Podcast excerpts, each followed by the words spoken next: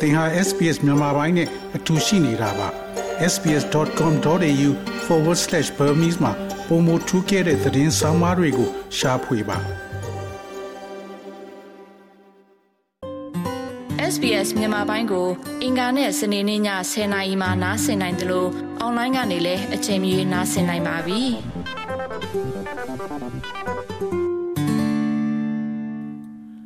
သောရရှင်များခင်သောရရှင်များကို 2023ခုနှစ်တွင်ဩစတြေးလျများမြင်မျှကျမ်းမာတယ်လဲဆိုတဲ့ဆောင်းပါးကို တင်ဆက်ပေးမှာဖြစ်ပါတယ်။ဩစတြေးလျနိုင်ငံသားများရဲ့ကျမ်းမာရေးဟာ2023ခုနှစ်အတွင်းအကြိမ်ကြိမ်မြင်းမောင်းထိုးပြခံခဲ့ရပါတယ်။ပြီးခဲ့တဲ့12လအတွင်းနိုင်ငံရဲ့ကျန်းမာရေးစိန်ခေါ်မှုများကိုမိကဲ့သို့တုံ့ပြန်ခဲ့သည်ကို ပြန်လည်ကြည့်ရှုမှာဖြစ်ပါတယ်။ဒီနေ့ပန်းသီးတစ်လုံးစားရင်ဆရာဝန်နဲ့ ဝေးကွာစေတဲ့ဆိုတဲ့စကားပုံလိုပါပဲ။ယခုနှစ်တွင် Royal Australian College of General Practitioner ကဲ့သို့သောဆေးဘက်ဆိုင်ရာအဖွဲ့များကလူအများစုကဆရာဝန်များနဲ့ဝေးကွာနေရခြင်းမှာ Medicare ပံ့ပိုးကူညီမှု မရှိခြင်းကြောင့်ဖြစ်တယ်လို့ပြောဆိုပါတယ်။၎င်းတို့ရဲ့2023ခုနှစ် Health of the Nation အစီရင်ခံစာတွင် GP များသည့်ပင်ပန်းနွမ်းနယ်မှု လေးလံသော အလုတ်များမှုနှင့်၎င်းတို့ရဲ့အလုတ်များပေါ်မကျေနပ်မှုများပိုများလာခြင်းကြောင့် GP များသုံးပုံနှစ်ပုံနီးပါးသည်လာမယ့်9နှစ်အတွင်းအလုံးမှနှုတ်ထွက်ရစီစဉ်နေကြောင်းတွေ့ရှိခဲ့တယ်လို့ဆိုပါတယ်။ Australia ဆေးဘက်ဆိုင်ရာအဖွဲ့မှ GP Dr. Kenneth McCrory က၎င်းသည်ဆရာဝန်များပင်ပန်းမှုတန်တိုးလာခြင်းကြောင့်ဖြစ်ကြောင်းပြောဆိုပါတယ်။ you know, remuneration compared to other specialties, uh, the inability to keep your doors open, practices closing left, right, and centre because they can't afford to, to တခြား keep ဆေး seeing ကု the သ patients မှုများ essentially နဲ့ for free. တိုင်းရှင်ပါက then လာစာ it's a ငွေ pretty no-brainer. သင်ဆေးကမ်းများဖွင့်ထားနိုင်ရန်မတတ်နိုင်ခြင်း၎င်းတို့ရဲ့လူနာများအားမရှိမဖြစ်လိုအပ်သောဆေးကုသမှုအခမဲ့ဆက်လက်ကြည့်ရှုရန်မတတ်နိုင်သောကြောင့်ပေးရတဲ့ဆေးကမ်းများအများပြားဖြစ်လာပြီးထို့ကြောင့် အခုစနစ်ကအလုံးမလုံးဘူးလို့ဆိုပါတယ်။ယခုနှစ်ခေါင်းကြီးပိုင်းများတွင်လည်းထင်ရှားတဲ့ NDIS အမျိုးသားမသန်မစွမ်းသူများအာမခံအစီအစဉ်ကိုမြည်သူကအသုံးပြုနေသည်နှင့်ပတ်သက်၍စိုးရိမ်မှုများရှိနေခဲ့ပါတယ်။ပါဝင်သူများရဲ့35ရာခိုင်နှုန်းသည်အထီးကျန်စိတ်ဝေဒနာကို ခံစားရတာအထူးကယောဂအနေနဲ့ရှာဖွေတွေ့ရှိထားပြီး NDIS ဝင်ကြီး Bill Shorten သည်ထိုအစီအစဉ်သည်၎င်းတို့အတွက်ဖြစ်လာစေရန်သေချာစေရန်အတွက်တစ်နှစ်ပတ်လုံးလှုံ့ဆော်မယ်လို့ပြောဆိုနေခဲ့ပါတယ်။၎င်းကိုမူလကမတန်ဆွမ်းသူများအတွက်ရာမုံငွေခွဲဝေမှုပုံမူရရှိစေရန်ပြည်내နဲ့နယ်မြေများကိုဆွဲဆောင်နိုင်စေရန်ရည်ရွယ်ထားသောကြောင့်အဆိုပါအစီအစဉ်သည်မတန်ဆွမ်းသူများအတွက်တစ်ခုတည်းသောရွေးချယ်မှုတော့မဟုတ်ပါဘူး။ ပါဝင်သူ35ရာခိုင်နှုန်းသည်အထီးကျန်စိတ်ဝေဒနာကိုအထူးကရှားဖွေတွေ့ရှိထားပြီး NDIS ဝင်ကြီး Bill Shorten သည်ထိုအစီအစဉ်သည်၎င်းတို့အတွက်ဖြစ်တည်လာစေရန်သေချာစေရန်အတွက်တစ်နှစ်ပတ်လုံးလှုံ့ဆော်မယ်လို့ပြောဆိုခဲ့ပါတယ်။ The NDIS is not what it should be. It is not delivering the outcomes Australians with disabilities need and the Australian public expects. For the NDIS to reach its potential, NDIS It needs a သည် reboot. မဖြစ်သင့်မဖြစ်ထိုက်ပါဘူး၎င်းသည်မတန်ဆွမ်းမှုလိုအပ်နေသောဩစတြေးလျများအတွက်ရလဒ်များကိုပေးဆောင်ခြင်းမဟုတ်ကြောင်းနှင့်ဩစတြေးလျလူထုကမျှော်လင့်ထားသည့် NDIS သည်၎င်းရဲ့အလားအလာကိုရောက်ရှိရန်အတွက်ပြန်လည်စတင်ရန်လိုအပ်ပါတယ်။ အဲ့ဒါကအာယုကျော်မျိုးစုံခွဲပြားမှုတွေကို ထောက်ပံ့မပေးဘဲထားခဲ့မှာကိုအာယုကျော်ခွဲပြားမှုဆိုင်ရာလှုံ့ဆော်သူတွေကစိုးရိမ်နေကြပါတယ်။ Christine O'Connor ကဲ့သို့သောတချို့သူများသည် NDIS တွင်မပါဝင်နိုင်ခြင်းသို့မဟုတ်၎င်းတို့ရဲ့အစီအစဉ်များကိုဖျက်တောက်ခြင်းဆိုင်ရာအတွေ့အကြုံများအကြောင်းကို SBS ကိုပြောဆိုခဲ့ပါတယ် I'd been hearing from other autistic people that they had had really big cuts to their plans when they were up for review. And then I was feeling pretty worried about my review. And sure enough, I got a letter in the middle middle of January telling me that I would lose 75% of my ပြန်လည်သုံး reports သပ် with ရ my န်ပြင်ဆင်ချိန် psychologist, မှာ which is my ကျမ most တို့ရဲ့အစီအ important စဉ်များကိုအမှန်တကယ်ဖြတ်တောက်ခဲ့ကြောင်းခြားသော autistic များထံမှကြားသိခဲ့ရပါတယ်။ အဲဒါမှကျမရဲ့သုံးသပ်ချက်နဲ့ပတ်သက်ပြီးကျမတော်တော်လေးစိတ်ပူသွားတယ်။တေချာပါတယ်။ January လလယ်လောက်မှာကျမရဲ့စိတ်ပညာရှင်နဲ့တွေ့ဆုံမှုအတွက်ထောက်ပံ့မှု85ရာခိုင်နှုန်းကို ဆုံးရှုံးမယ်လို့ပြောထားတဲ့စာတစ်စောင်ရခဲ့ပါတယ်။ဒါကကျမရဲ့အရေးကြီးဆုံးပံ့ပိုးမှုတစ်ခုပါပဲ။2023ခုနှစ်တွင်ကျန်းမာရေးအတွက်နောက်ထပ်ထူးခြားသော တိုးတက်မှုမှာ သာရီတိုမိုက်ဆေးတောက်ခြင်းမှအသက်ရှင်ကျန်ရည်သူများအတွက်တရားဝင် တောင်းပန်ခြင်းပင်ဖြစ်ပါတယ်။ဝန်ကြီးချုပ်အန်သိုနီအယ်ဘနီစီကလွန်ခဲ့တဲ့ဆယ်စုနှစ်များကကိုဝင်ဆောင်မိခင်များအတွက်ကိုဝင်ဆောင်ကာစတွင်နနက်ပိုင်းပြုအပ်မှုအတွက်ညွှန်ကြားထားသည့်ဆေးကြောင့်ထိခိုက်နစ်နာခဲ့သူများအားဝမ်းနည်းကြောင်းပြောကြားခဲ့ပါတယ်။၎င်းဆေးနှင့်ပတ်သက်၍ဘေးကင်းဆိုင်ရာသတိပေးချက်များကို အစိုးရအဆက်ဆက်ကလစ်လျူရှုခဲ့ပြီးနောက်ထောင်နဲ့ချီသောကလေးများတွင်ခန္ဓာကိုယ်မွေးရပါချိုးရင်းချက်များဖြစ်စေခဲ့ပါတယ်။ထို့ကဲ့သို့အသက်ရှင်ကျန်ရည်သူတဦးဖြစ်တဲ့ဆုဂျေရိုမီက သူမသည် ပြင်းထန်စွာမဖွင့်ဖြိုးသောလက်များနှင့်ရင်ဆိုင်ခဲ့ရပြီးစေဝါရဲ့သက်ရောက်မှုကြောင့်အရွယ်မတိုင်မီအိုမင်းရင်းညော်နေသောခန္ဓာကိုယ်နှင့်စိန်ခေါ်မှုများစွာကို ရင်ဆိုင်နေရဆဲဖြစ်ကြောင်းပြောဆိုပါတယ် When I was born, I was taken away,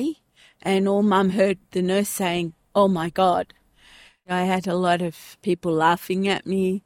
because I loved my arms, you know. I thought, This is me. I like my little arms, you know. And then when I'm in public, ကျမ I မွေး could တော့ feel က the, ကျ the မကို looks ခေါ် and သွား the ခဲ့ပြီး smiles and သူ the နာပြု smiles. ဆရာမကဟိုဖျားသခင်တို့ပြောတာကို အမေကြားလိုက်ပါတယ်ယခုကျမမှာရှိတဲ့လက်နှစ်ဖက်ကို ကျမကြိုက်ပါတယ် ဒါပေမဲ့လူမြင်ကွင်းမှာတွေ့တဲ့အခါအချီအပြုံးနဲ့ကျမကိုကြည့်ပြီးပြုံးတာကိုခံစားနေရပါတယ်ကိုဗစ်ကိုလည်းသတင်းကောင်းကြီးပိုင်းများမှာပုံမှန်ဖော်ပြခဲ့ပါတယ်ဩစတြေးလျသည်ကပ်ယောဂနဲ့ပတ်သက်ပြီး၎င်းရဲ့တုံ့ပြန်မှုကိုစုံစမ်းစစ်ဆေးရန်ဆန္ဒလာကြာခဲ့ပါတယ်။ပြည်내နဲ့နယ်မြေပိတ်ဆို့ခြင်းဆိုင်ရာဆုံးဖြတ်ချက်များကိုတော့မကြည့်ဘဲထားရှိခဲ့ပါတယ်။အ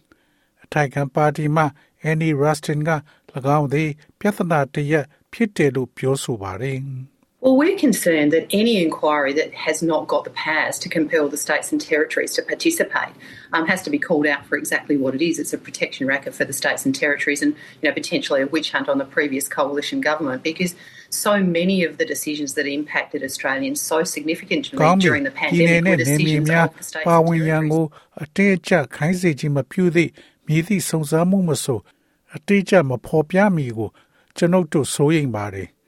၎င်းသည်ပြည်내နဲ့နယ်မြေများအတွက်အကာအကွယ်တစ်ခုဖြစ်ပြီးရခိုင်ညွန့်ပေါင်းဆိုအပေါ်ဒါကပယောဂရှာဖွေမှု ဖြစ်နိုင်ခြေရှိပါတယ်အဘဲကြောင့်ဆိုသောကာယောဂါကာလအတွင်းဩစတြေးလျများကိုသိသိသာသာအကျိုးသက်ရောက်စေသည့်ဆုံးဖြတ်ချက်အများပြားသည့်ပြည်내နဲ့နယ်မြေများရဲ့ဆုံးဖြတ်ချက်များဖြစ်သောကြောင့်ဖြစ်ပါတယ်။ ဒါကြောင့် Albanese အစိုးရကိုကျမတို့တောင်းဆိုနေပါတယ်။ဒီအသေးစိတ်အချက်လက်တွေကိုသူတို့ကြေညာတဲ့အခါမပါဝင်ပါက ကျမတို့ဝေဖန်စရာဖြစ်လာပါလိမ့်မယ်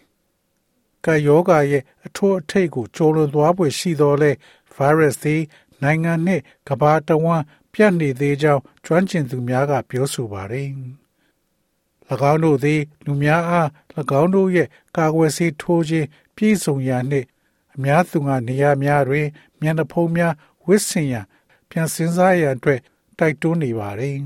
။ Queensland, New South Wales နဲ့ Victoria ကဲ့သို့သောပြည်내တချို့သည်တုပ်ကွေးယောဂအတွက်အခမဲ့ကာကွယ်ဆေးများပေးဆောင်ထားပြီးဒါကစိုးရိမ်ရသည့်နောက်ထပ် virus ပိုးတစ်ခုဖြစ်ပါတယ်။ New South Wales မှကျန်းမာရေးအရာရှိချုပ် Gary Chan သည်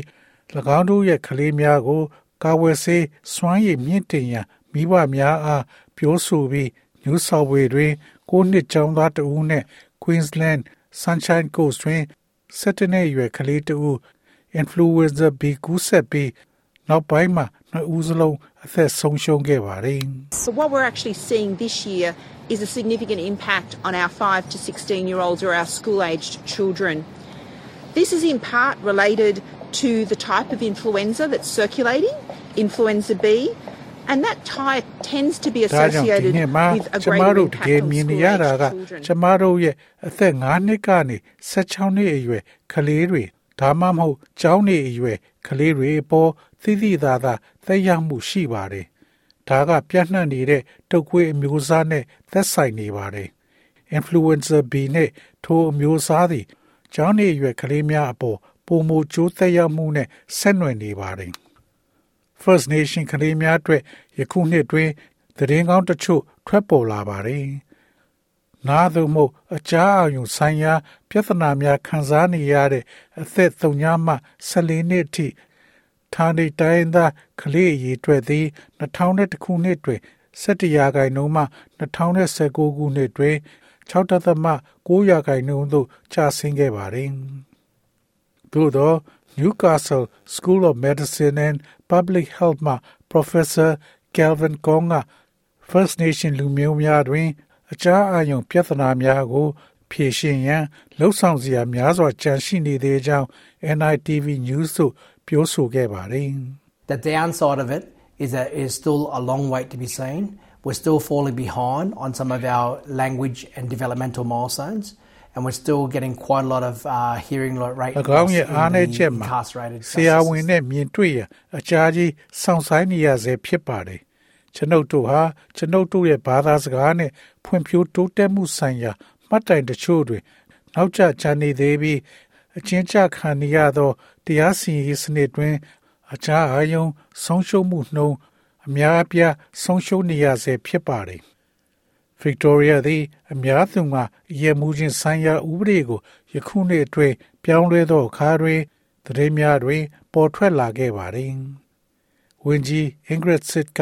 ၎င်းအားပြည်သူ့ကျန်းမာရေးဆိုင်ရာစိုးရိမ်မှုတစ်ခုအဖြစ်သဘောထားပြီး၎င်းအားရာဇဝတ်မှုအဖြစ်မသတ်မှတ်တော့ကြောင်းကြေညာခဲ့ပါတယ်။အဲဒါကို တုံ့ပြန်မှုမှာရောထွေးနေပါတယ်။ Victoria ရဲများသမဂ္ဂကအရာရှိများရဲ့အာဏာကိုကန့်သတ်ထားတဲ့စီမင်းအသေးအရ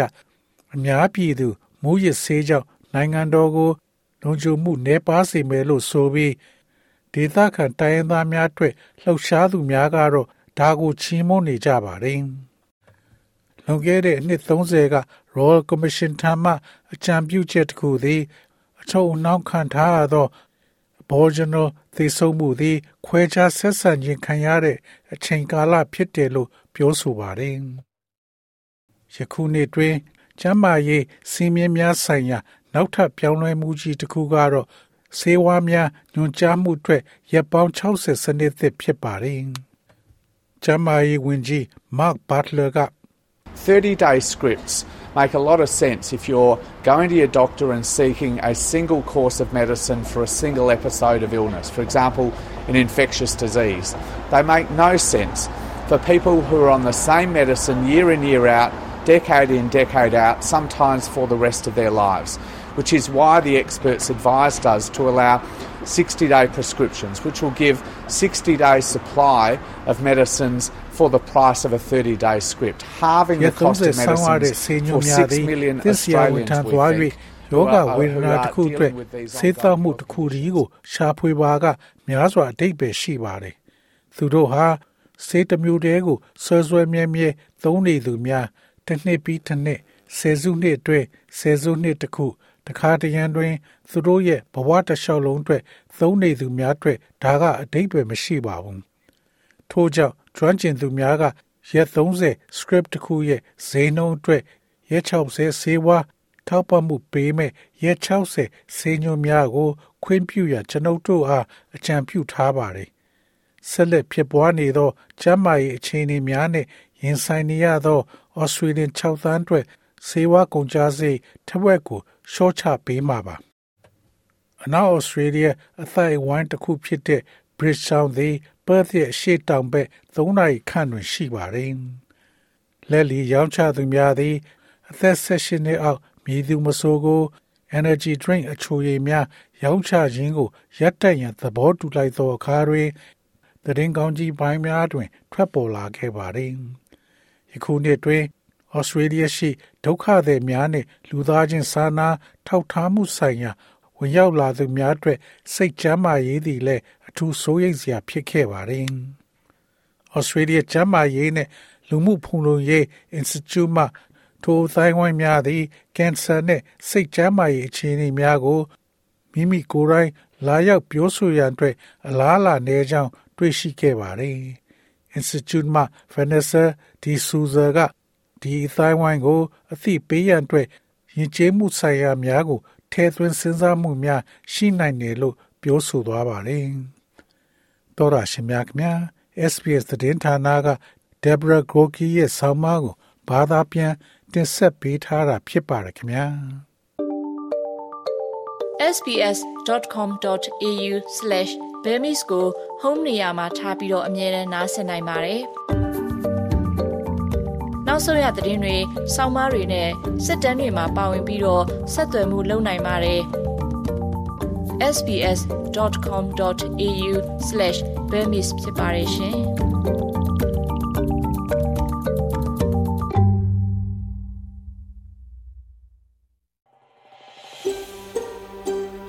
ဒါမျိုးသတင်းဆောင်မာတွေကိုပိုနားဆင်လိုပါလား Apple Podcast Google Podcast Spotify တို့မှာ သင်ပင်ရာဖြစ်ဖြစ်ရယူတဲ့ podcast ကနေပါ